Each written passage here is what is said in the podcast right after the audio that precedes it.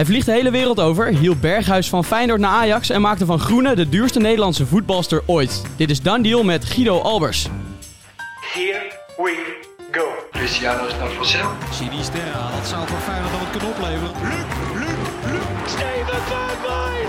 I don't believe it! Breaking news is a world record deal for Neymar, Neymar. 222 miljoen euro. Dan deal. Goedemiddag, vanuit de studio in Amsterdam. Welkom Guido. Goedemiddag. Welkom ook eh, Danny en Noordin uiteraard, vaste gasten in de show. Dag Emiel. Hebben we er zin in mannen? We hebben vorige week Marco Timmer gehad, daarvoor Hans Nijland en nu eh, Guido Albers. Ja, het is, eh, we hebben een aardig lijstje nu toch? Het wordt wel gezellig zo. Ik ben benieuwd. Heb je al vaker eh, in een podcast gezeten of is dit je debuut? Nee, nee, nee. Ik heb het al vaker gedaan. En eh, nou, ik ben benieuwd hoe jullie het aanpakken. Dus we gaan het zien. Nou, We gaan je verrassen. ik denk het ook. Komt helemaal goed. De interlandperiode is begonnen. Eerst eventjes eh, daar nog kort over hebben. Hebben jullie genoten van eh, de persconferentie van Louis van Gaal maandag? Als vanuit weer, hè?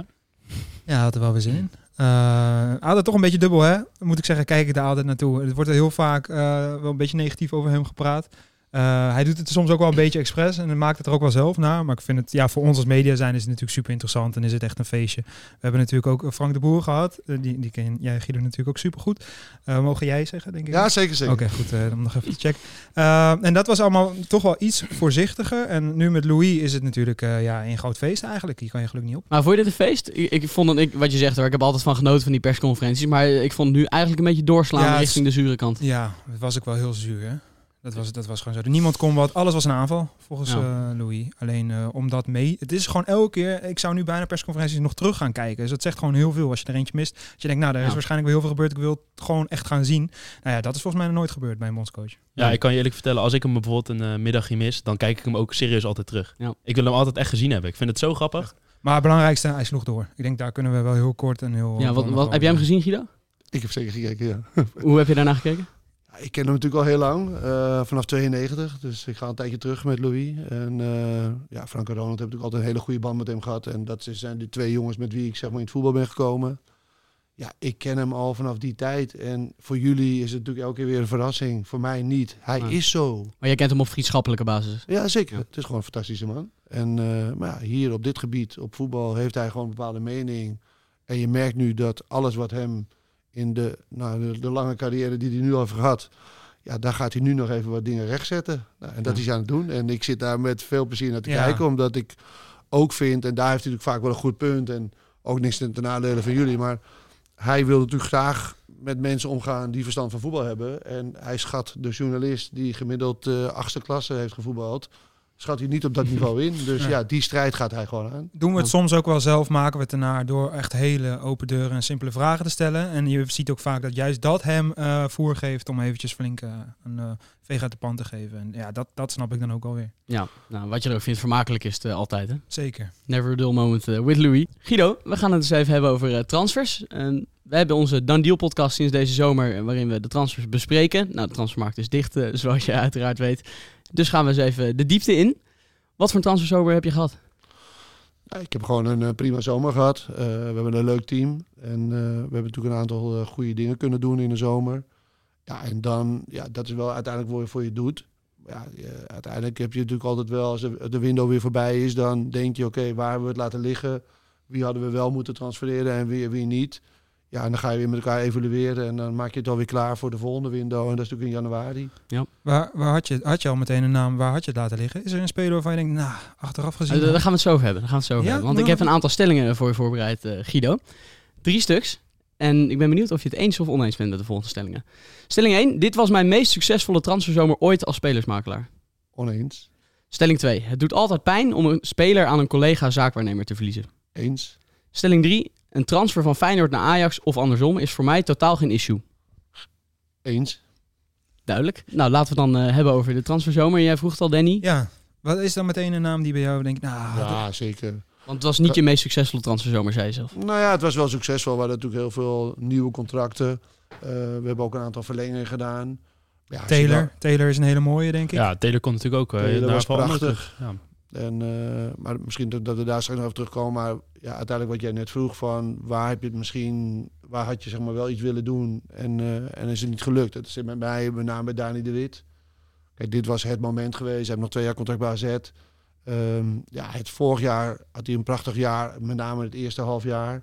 Het tweede half jaar was iets minder. Nu is hij weer heel sterk. Mhm.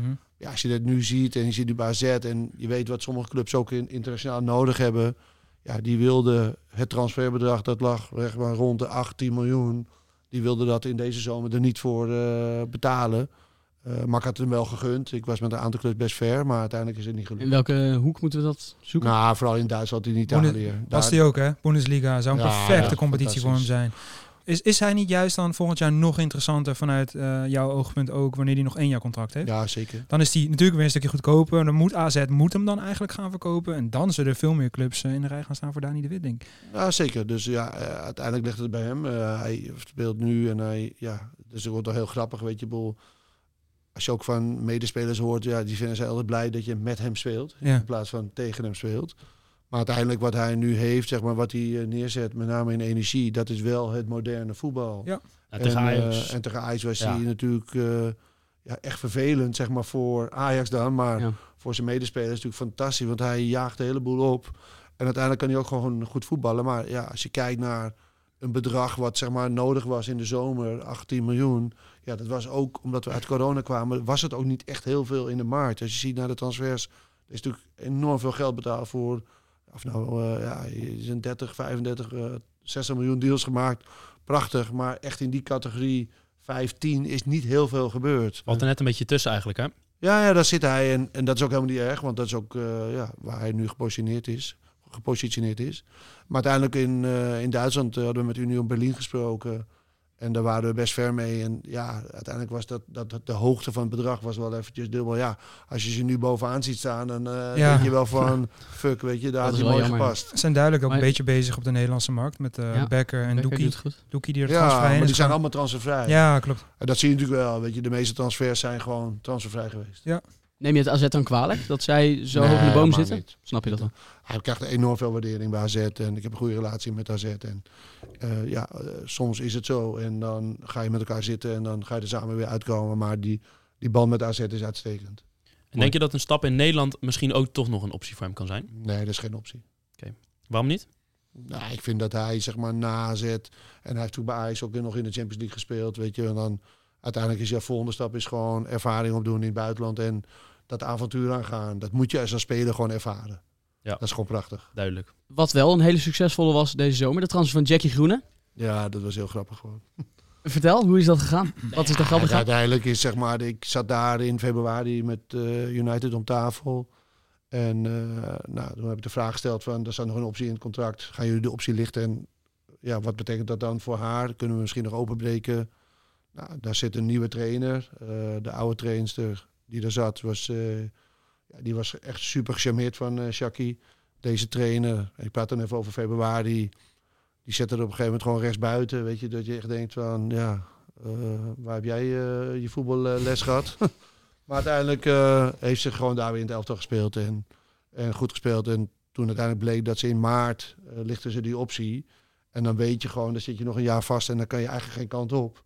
Omdat je in, ja, kijk, met vrouwenvoetbal, het is allemaal transfervrij. En er komt bijna nooit een transfersom aan te pas. Dus dan weet je, oké, okay, dan moet nog een jaar blijven.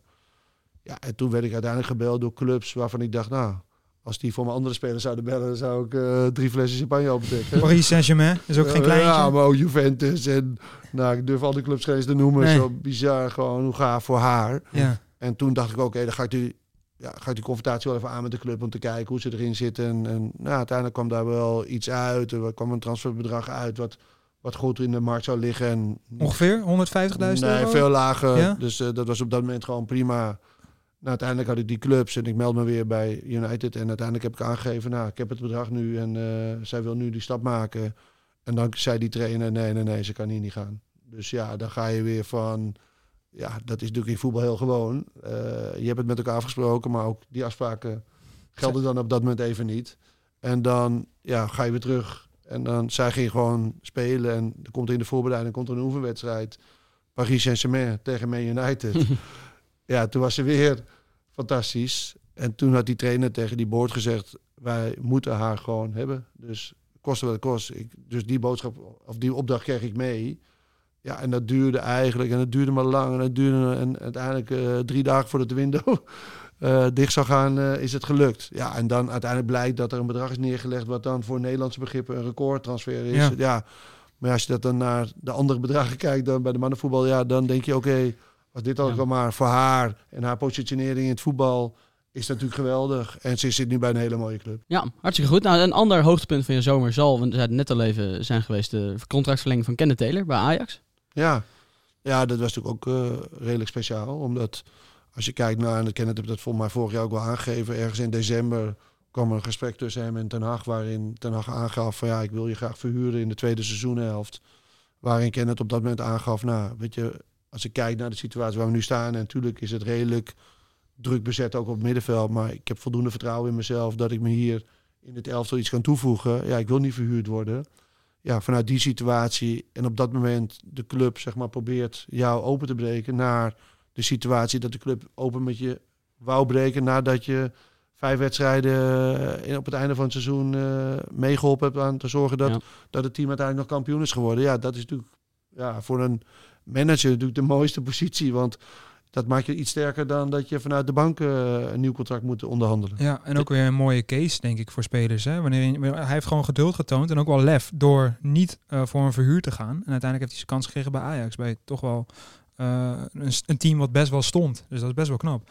Ja, en ook een beetje geluk gehad natuurlijk dat Ryan eh, geblesseerd raakte. Maar Zeker. je hebt natuurlijk het vangnet van jonge Ajax. En dat is natuurlijk gewoon heel veel waard. En ik, bij sommige clubs hebben ze dat vangnet natuurlijk niet. Nee. Kijk, en als je dan bij een club zit waar je dat vangnet niet hebt, is het natuurlijk best lastig om deze keuze te maken. Want dan kies je er wel vaak voor om verhuurd te worden, want er is er niks anders. Feyenoord, hè, dat blijft het pijnlijkste, denk ik, van de Ja, dat afgelopen jaren. ja. Dat ze niet in de KKD spelen met het jong team. Dat is gewoon echt eh, heel erg zonde van die Dat die keuze hebben ze bewust gemaakt, toch? Echt, eh, Ja, een jaartje of financiën was vier, toen vijf geleden. investering. Er was een eh, investering van 700.000 euro. Ja, die ze niet Ja. wouden maken. Ja, daar Maar dat kan. Nee, kijk, en nogmaals, daar vinden mensen ook weer wat van. En je ziet er genoeg artikelen over. Maar ik heb dat van dichtbij meegemaakt. Ja. Omdat in die tijd, ik was natuurlijk ook de manager van Koeman en, en nog steeds natuurlijk van eh, Giovanni van Bronckhorst. Ja, ga maar daar aan staan als je 40 miljoen schuld hebt. ja. En je moet uiteindelijk wil je een elftal bouwen wat, eh, wat meedoet om de titel.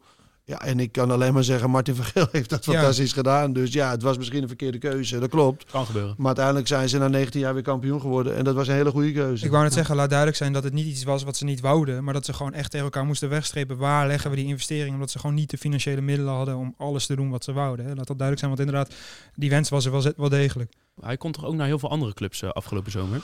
Dat klopt. Hij had een clausule in zijn contract, waardoor hij uiteindelijk eh, meerdere keuzes had. Maar ja, hij wilde gewoon heel graag bij Ajax slagen. Dus Is dat een heeft, eh, clausule over een gelimiteerde transfersom dan? ja, klopt. In welke richting moeten we denken? Nee, dat vind ik een beetje lastig. Omdat het natuurlijk, dat was in de tijd natuurlijk met Mark. En ja, daar, staat ook geheimhouding op. Dus dat is Die was laag, denk ik. Nog een stuk lager dan nu. Dat is één ding wat zeker eh, is. ja, er was... eh, Het zal geen 60 miljoen zijn geweest. Nee, dus dat was gewoon een prima clausule. En, en daardoor heb je natuurlijk wel heel veel interesse gehad van andere Ja. clubs die wisten dat de clausule was. Maar uiteindelijk was natuurlijk voor hem de keuze, wat ik ook belangrijk, van waar ga ik spelen? Want je kan natuurlijk wel weer kiezen voor beter salaris en eh, internationaal, maar ga je daar in je eentje ergens in, eh, in Italië of in Spanje zitten ten opzichte van ja, toch proberen te slagen bij Ajax. Dus voor hem is die wens om bij Ajax te slagen altijd gebleven. Ja, maar toch heeft hij bij Ajax ook wel flink concurrentie met uh, middenvelders als Klaassen. Kudus, die eerst ook nog echt als middenvelder werd gezien.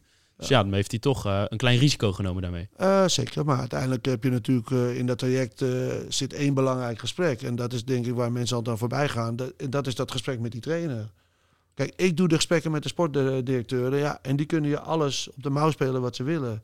Die kunnen allemaal zeggen, ja, hij gaat die spelen, dit. Maar daar zit die trainer niet bij. Nee.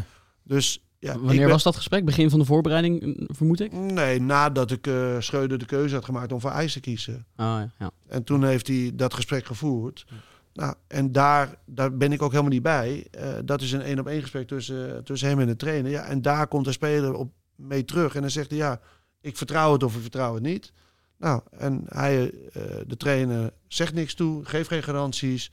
Maar je voelt wel als speler of je daar een bepaald vertrouwen uitspreekt. En dat is voor een speler, zeker voor een jonge speler, super belangrijk. Nou, dus toen kwam hij terug, zei hij van nou, ik heb daar goed, uh, goed gevoel aan overhouden. Zorg maar dat ik hier kan, blij, uh, kan blijven. Nou, dat, dat heb ik samen met zijn vader gedaan. Ja. dus dan was het al vrij vroeg duidelijk dat hij eigenlijk wel wilde blijven. Dus dan, dan heb je clubs eigenlijk al vrij resoluut ja, te zeggen, ja, dat gaat wel. gewoon niet gebeuren. Ik doe dat niet. Ik ga er niet iedereen aan het lijntje houden en dan hopen dat het... En dan tegen elkaar uitspelen. Wij moeten over een eigen kracht uitgaan. Als wij denken dat Kenneth Taylor kan slagen bij Ajax en hij wil het zelf ook. Ja, dan moet ik zorgen met mijn know-how dat ik voor hem het beste contract uit onderhandel. Nou, en dat hebben we geprobeerd. En ja, eh, we zullen in de, in de komende jaren zien of dat het het beste was. Hij is in ieder geval heel sterk begonnen. Dat Ja. is één ding wat zeker is. hè. En dat, is, dat wilde ik ook nog benoemen. Kijk, hij vindt het gewoon vervelend als er heel veel over hem gezegd wordt. Want uiteindelijk is het nog maar een jonge speler, weet je, die gewoon allemaal moet waarmaken. Dus je ziet nu natuurlijk zoveel artikelen over hem en dit en tele, supergoed en wat dan ook. Ja, als management en misschien als familie en vrienden vind je dat heerlijk. Maar voor een speler zelf is dat best ingewikkeld, weet je. Want het geeft heel veel druk. En we hebben natuurlijk genoeg voorbeelden. En het was in de tijd, eh, nou, noem het Abdel Nouri, was dat natuurlijk helemaal bizar, weet je. En dat is natuurlijk super kloot hoe dat afgelopen is. Maar je zag het nu met Nachi, weet je. bedoel, Je wordt helemaal Ja. de hemel ingeschreven. En nu Ja. speel je in Turkije. Mhm. Voelt Ja. Kenneth ook echt die druk van eh, de buitenwereld? Maar ik denk niet dat hij het druk vindt. Het is gewoon dat zelf borstklopperij, dat, daar is hij niet van. Hij wil gewoon zijn voeten laten spreken, alles geven voor Ajax en succes hebben. Ja, en dat dit er allemaal bij hoort, dat is goed. Maar je zal hem niet allerlei bijzondere of bizarre uitspraken doen, omdat hij dat, dat past hem helemaal niet. Nee. Maar dit hoort er wel bij, dat mensen iets van jou vinden. Ja. Positief en negatief. ja, daar doen wij natuurlijk hartstikke hard aan mee. Ja, dus dat is, dat is en steeds meer. Ja, en steeds meer en meer en meer. Het is natuurlijk ook per speler denk ik echt verschillend. Hè? De een gaat er op die manier mee om en de ander weer op een andere manier. Is daar binnen jouw spelers nou echt grote verschillen van jongens die er juist wel lekker op gaan? Of is, is eigenlijk het, het gevoel daarbij bij iedereen wel hetzelfde? Iedereen vindt het leuk als er positief over hem gesproken wordt. Dat Ja. is gewoon zo. En niemand vindt het leuk als er negatief wordt gesproken. Omdat je vaak ook over dat negatieve... Ja, soms is daar ook gewoon terecht. Maar soms kan je er ook niks... Ja, er zit vaak of nog een ander verhaal aan... of je kan je er ook niet echt verweren. En dat maakt het wel eens lastig. En natuurlijk mijn beste vriend is Frank de Boer. Ja, daar heb ik natuurlijk van dichtbij meegemaakt... hoe, hoe, eh, hoe lastig dat kan zijn. Als bepaalde mensen bepaalde dingen gaan zeggen... terwijl ja, je weet dat het anders is. Maar wat ga je zeggen? Ja. Dan kan je beter maar zwijgen en dan zorgen dat je het ja, eh, laat zien. In de eigen dan via als, in, als coach, maar eh, als speler moet je het ook gewoon laten zien. En ja, je moet je er niet door laten leiden. En ik zeg vaak tegen mijn spelers, weet je, flikker al dat social media en, eh, en al die eh, platforms van je telefoon af. Het brengt niks. Nee. Klopt. Nee, dat- maar ik denk dat daar de hele generatie van spelers en ook wij hier en als media, iedereen eh, erkent dat denk ik ook. Dat social media vrij giftig kan zijn voor iedereen hoor. Dus dat is ook voor spelers, die krijgen ook zoveel over hun heen. En iedereen vindt wat. Dus ik kan me goed voorstellen dat Nou het ook invloed heeft op, op hoe je buiten het veld en in het veld eh, ermee omgaat. Vooral met name ook omdat, ja, je, je bent natuurlijk altijd verbaasd en, en waar, waar jullie dan de informatie vandaan krijgen. Maar dan zie ik er van onbenullig krantje uit eh, Zuid-Frankrijk die dan iets over een speler zegt dat eh, PSV interesse heeft. En dan belt die speler je op en dan zegt hij, ja, ik las daar en daar eh, dat PSV interesse in heeft. En dan zeg ik, ja, maar ik spreek John de Jong. En dus als hij interesse heeft, dan belt hij mij. Ja. Dus dat hoeft dat Zuid-Franse krantje niet te doen. En wat blijkt dan weer? Dan was er weer natuurlijk een agent die wilde die speler graag binnenhalen. Dus die zei van, nou, ik ga wel eventjes eh, ergens wat roepen in eh, Zuid-Frankrijk. Nou, Ja. bij jullie gaan die search-machines gaan eh, lopen. En dan wordt het vertaald en dan komt een heel artikel. Terwijl je dan zelf met de TD in gesprek bent en dan... Ja, die heeft helemaal geen interesse in die speler. Maar dat is wel, ja, dat is wel soms wel ook lastig en vervelend... dat je dat moet uitleggen aan je eigen spelers. Ja. Ja. het is een beetje een raar wereldje, hè, Guido. Wij bellen daar wel eens over. Maar hoe dat soort dingen gaan soms, ehm, dat bij een ene partij eh, zijn de mensen ervan overtuigd dat de speler gewild is door een club, terwijl de andere partij daar nooit iets over heeft gezegd. Het is raar hoe dan zoiets toch kan gaan rollen in de wereld, vind ik. Nou ja, dat kan. Maar dat kan ook gewoon... Natuurlijk zijn er wel eens belangen, weet je. Dus eh, dat een bepaalde agent of bepaalde mensen een, een goede band hebben met een sportdirecteur... waardoor er meer naar buiten komt dan misschien wel rechtstreeks tegen jou wordt gezegd. Maar ja, in negen van de tien gevallen, als het via zeg maar een, eh, een medium komt wat totaal niet bekend is... is het vaak onzin en is het vaak gewoon nodig om zo'n speler anders in de markt te positioneren. Ja, en, wat vaak ook niet goed is voor de speler. Hè, want ik kan me ook herinneren dat er een van de fijnspelers, hoef geen zijn naam te noemen, die wordt, staat dan in de belangstelling van een club in de Premier League, eh, bla bla bla. Vanaf dat moment wordt hij gezien dat een Premier League club interesse in hem heeft. Ja, dat helpt. Engeland daar alleen maar over op dat En, en dat helpt de speler niet altijd, want dat geeft Nee. wel enorm veel druk. eh, omdat je die, ja, met name de mensen op de tribune, maar ook daarbuiten, die zeggen: ja, pff, moet hij nou naar de Premier League? Weet je, Hebben terwijl- we het, ik heb wel meteen een idee over wie we het hebben. Maar dat eh, ja. kan, kan ook aan mij liggen. Maar is het ook niet vaak zo dat het ook nog andersom zo is? Want ik weet ook uit mijn ervaring, er zijn natuurlijk ook vaak zaakwaarnemers die juist eventjes een bepaald medium of een bepaalde media willen inschakelen. Van hé, hey, eh, deze spelers contract loopt af, deze clubs hebben interesse. En wat daar dan van waar is, is natuurlijk soms ook lastig te filteren. Is dat Ja. iets? Als ik even mag aanvullen op Danny. Ik als journalist bij VP ervaar dat ook wel. Dat er van veel kanten natuurlijk agenten naar je toe komen die ook iets met hun speler willen. Hoe ervaar jij dat?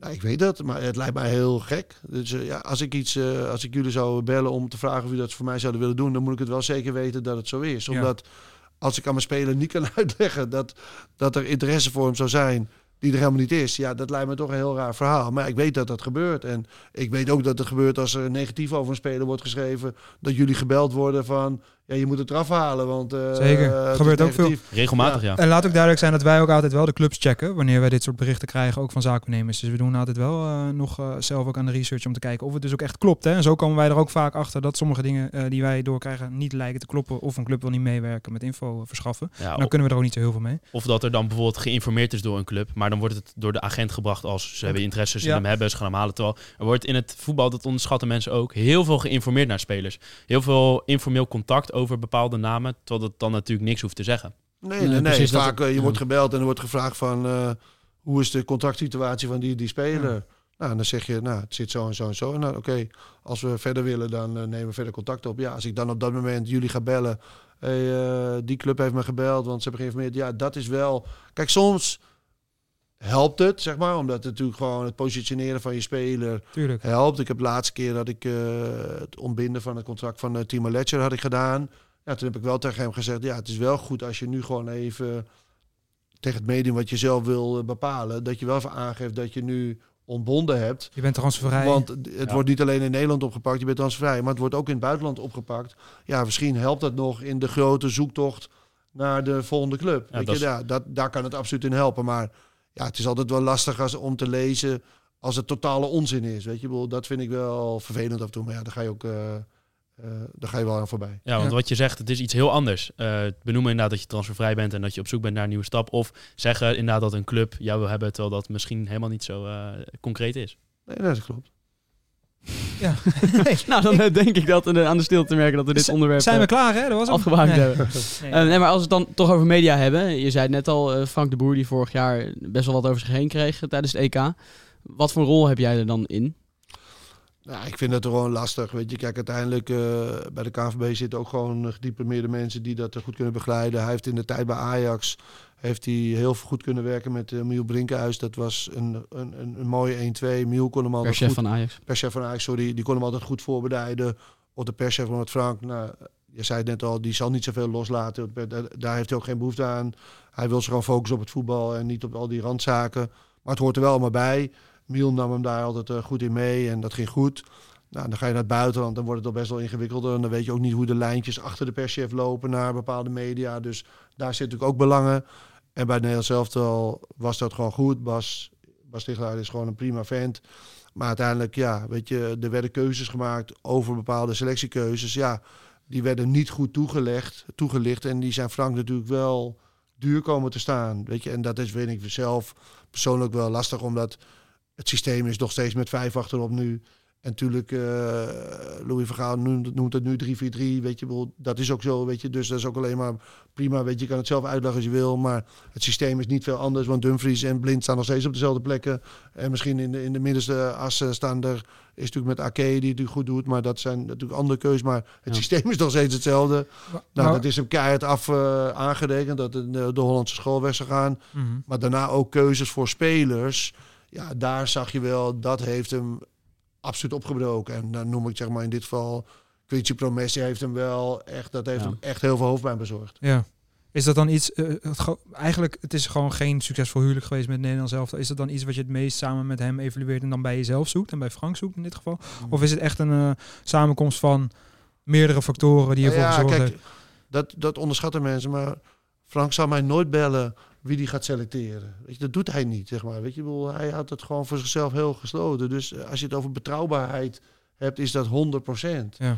Ik wist ook bij Ajax niet wie er zou spelen. Weet je, bedoel, terwijl ik, ja, weet je, ik zou dat zo kunnen vragen, maar dan zal hij er nog, nog niks over zeggen. Omdat hij daar, hij ziet het nut er niet van in. Dus dat was met deze keuzes ook over de selectie. Als ik het achteraf geweten had, had ik misschien nog op basis van wat ik zelf vond. En of hij daar wat mee had gedaan, weet ik niet. Maar had ik nog wel iets kunnen vinden. Maar dat zijn gewoon keuzes die hij met zijn staf maakt. Ja, en dan ja, moet ik alleen maar ja, zorgen dat ik hem daarin steun. En zorgen dat op het moment dat er vragen over komen, dat ik, eh, dat ik hem niet eh, afval. Maar ja, Ja. dat is uiteindelijk wel gebeurd. Hij is zeg maar bij alles wat hij deed, was niet goed. Maar dat- dat, viel me wel op. Dat het op een gegeven moment niet alleen maar over het voetbal inhoudelijke ging, maar op een gegeven moment ook echt meer het managementkwaliteiten van Frank de Boer. En zelfs soms een beetje persoonlijk over dat hij communicatief echt, eh, werd er een beetje lacherig over gedaan. Ja. Het werd echt heel persoonlijk op een gegeven moment. Klopt. Dat, is natuurlijk, dat heeft niet geholpen met de uitspraken die hij gedaan heeft. In de communicatie met, nou in dit geval hoe dat ging met eh, dat El Ghazi, weet je, met een journalist Nee. op zijn telefoon. Dat helpt natuurlijk niet. Dat En gaat eh, om nog even een beetje duiding te geven. Dat gaat over dat eh El Ghazi toen afviel voor de definitieve selectie. En dat El Ghazi dat niet gebeld zou zijn door de boer. Terwijl de boer zei dat hij wel gebeld had. Hè? Ja, wat het, wat het zelfs was, hij was aan het opnemen. Hij was met eh, Frank Evenblij een, een interview aan het opnemen. En eh, toen was de EK-selectie zou bekendgemaakt worden. Eh, maar hij werd niet gebeld en hij kreeg toen op zijn telefoon een pushmelding van gewoon het nieuws dat hij er niet bij zat. Gewoon Ja. via de media. Heel ongelukkig. En, ja. en, en dat moet je dat en dat vind ik dan. Dan heb je het over een team, samenwerking. Daar heeft hij geen geluk gehad of is hij niet geholpen. Dan kan je hem op ze, eh, zeg maar, hem aanrekenen. Hij is wel eindverantwoordelijke erin, toch? Precies, maar uiteindelijk iemand die op die knop drukt. Op het moment dat hij weet dat iemand even belt van hebben we iedereen gesproken, had ook fijn geweest. En dat vind ik dan ook op dat moment een keuze. Maar kijk, hij, tuurlijk heeft hij gebeld. Maar op dat moment had, er was ook een wedstrijd Oranje tegen Jong Oranje. Daar zit hij dan middenin. Dus voor die wedstrijd heeft hij geprobeerd iedereen te bellen. Dat is niet, dat, uiteindelijk is dat niet helemaal gelukt. Uiteindelijk na de wedstrijd is hij meteen weer gaan bellen. Maar om half drie, die wedstrijd was tien over twee afgelopen. En om half drie ging iemand op die pushje bellen. Ja, op dat moment werd er niet meteen opgenomen.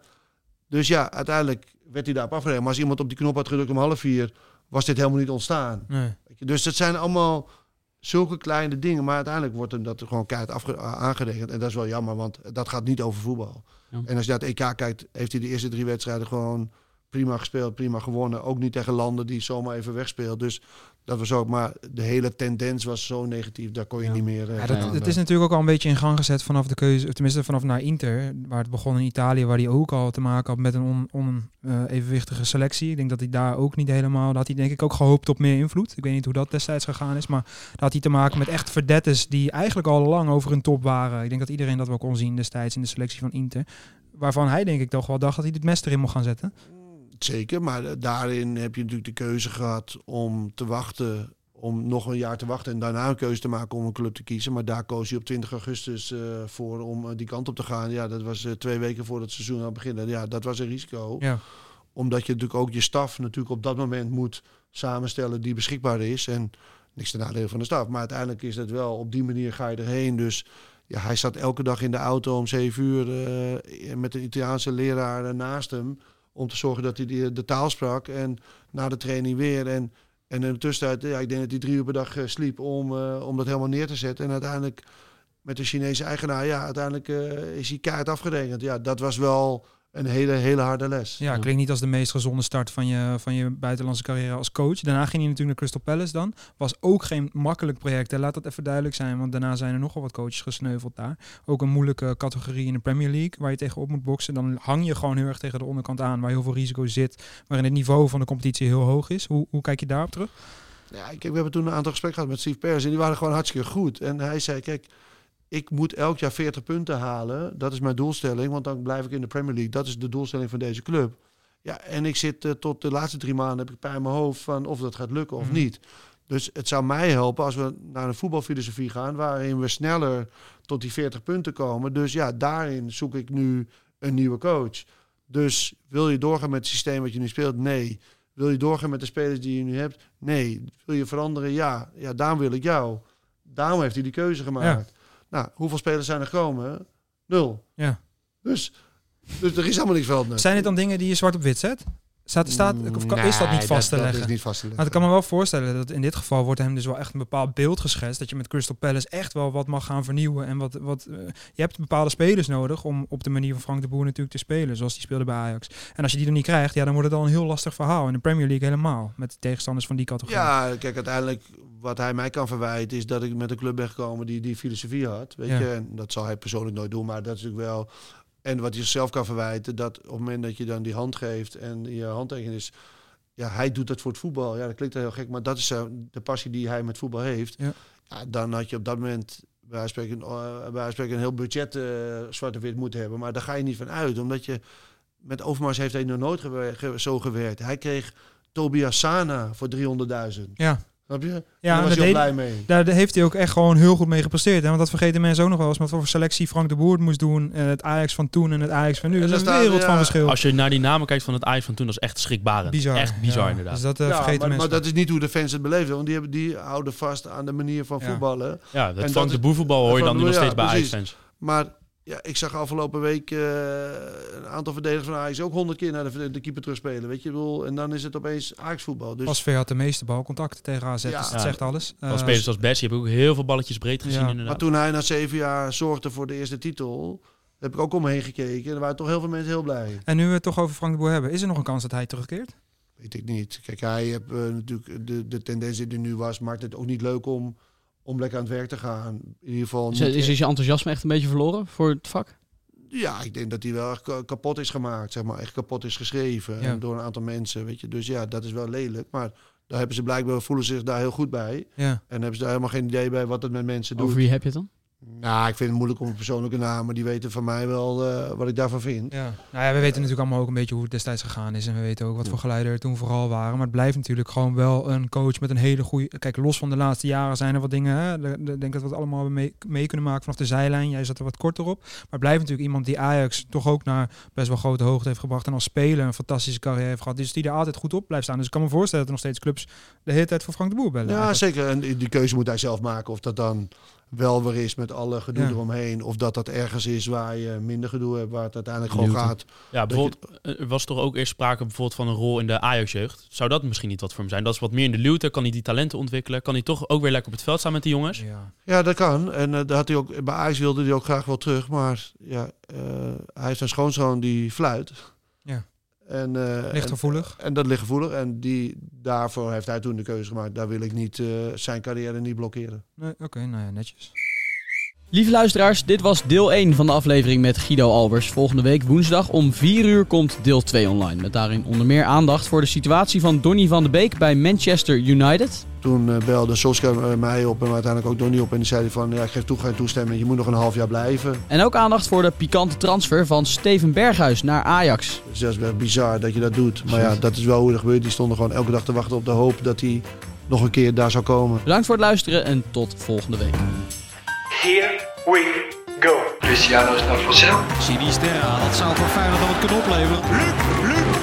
Steven Bergwijn! I don't believe it! Breaking news is a world record deal for Neymar, Neymar. 222 miljoen euro. Done deal.